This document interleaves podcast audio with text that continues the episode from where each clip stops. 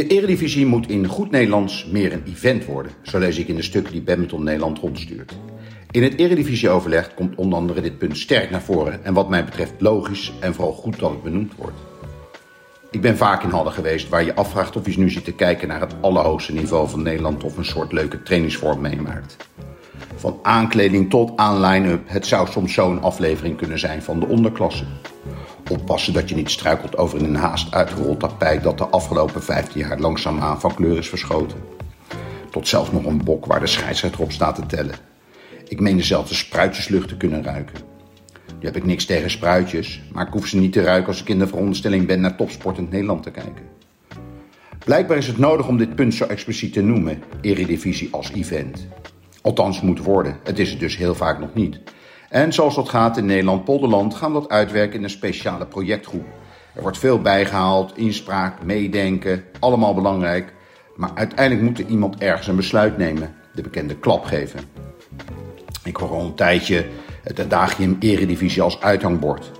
Maar die is inmiddels aardig aan slijtage onderhevig.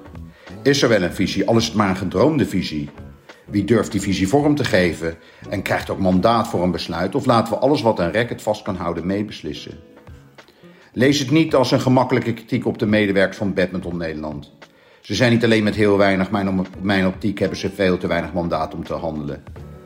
We hebben de bestuurlijke structuur enorm complex gemaakt. Waarom die afgevaardigde structuur niet verlaten en het principe van bijvoorbeeld one member, one vote in te zetten? Zo beslist ieder lid mee kan je twee weken voor een vergadering de stukken zien en al online je stem uitbrengen. Ook gemakkelijk, we zijn tegenwoordig met een stuk minder. Maar dat is het misschien. Ik ben op zoek naar een ideaalbeeld. Laat het een gedroomde visie zijn. Dan kennen we de richting. Dan kunnen we verenigingen ook echt gaan helpen. Want laten we eerlijk zijn. Een evenement organiseren bij al je thuiswedstrijden vraagt heel veel van verenigingen naar vrijwilligers.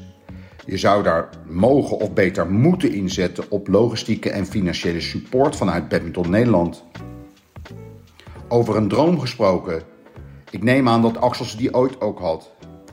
En wat lijkt die droom meer dan uitgekomen? Want wat schitterde Axelsen op het afgelopen WK? Hij was een en al overmacht. Dat hoor je nu weer vaak zeggen. Ja, met zijn lengte heeft hij ook wel een enorme reach. Maar die had hij vijf jaar geleden ook. En toen waren zijn resultaten toch duidelijk minder overtuigend. En dacht je dat je voordeel had van je lengte bij het uitstappen aan het net? Ik zie in Axelsen de absolute perfectie. Alles klopt, tot in de details. Het is sport in optima forma. Optima forma, de titel van deze column. Het is hoe ik naar het leven kijk en hoe ik sport bekijk. Als sportfysiotherapeut ooit opgeleid ben ik altijd bezig geweest met de optimale vorm en of de optimale functie. De vraag is, is het de vorm die de functie bepaalt of is het de functie die de vorm bepaalt? Op, in een andere column kom ik daar nog een keer op terug. Als fysiotherapeut is het heel logisch om altijd in samenwerking bezig te zijn, want hoe meer we leren, hoe minder we blijken te weten. In het badminton eh, zie ik vaak die samenwerking niet en dan zitten we toch vaak op eigen eilanden, terwijl ik dan ook denk, hoe meer we weten, hoe meer we leren, hoe minder we echt weten van wat echt werkt. Dus samenwerking is essentieel. Maar er zijn lichtpunten en dat lichtpunt was afgelopen donderdagavond. Onze hal stond vol met 36 fanatieke badmintonners. Door een misverstand stonden Robbie Knevel, wie kent hem niet, en ondergetekende samen voor de groep. Dat sprak onze andere jeugdtrainer die net zijn training afronde, Sandy Soekijat, er zo aan dat hij zegt, ik blijf ook. En daar stonden we dan.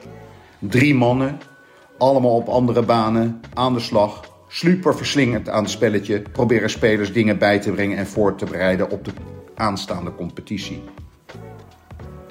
Ik stond e- steeds even kort in stilte te genieten. Gepassioneerde sporters en trainers zo te zien samenwerken. Noem me maar een romanticus, maar dit is wat verenigingen zo mooi maakt. En die verbinding blijft. Zo heb ik vanavond weer een regelmatig terugkerende etentje met oude teammatties van zo'n 30 jaar geleden. En dat is precies waar ik voor badmintonsport eigenlijk nog legio groeimogelijkheden zie. De sport is redelijk gemakkelijk uit te voeren. In vergelijking tot tennis kun je al snel naar elkaar overslaan.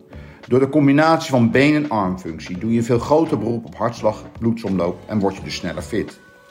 Daarnaast is het sociale aspect zeer waardevol. Ik ervaar dat zelf wekelijks. Als je dat bij elkaar samenvattend brengt, je wordt sneller fit en je krijgt vrienden voor het leven, dan is het toch veel leuker dan 10.000 stappen per dag.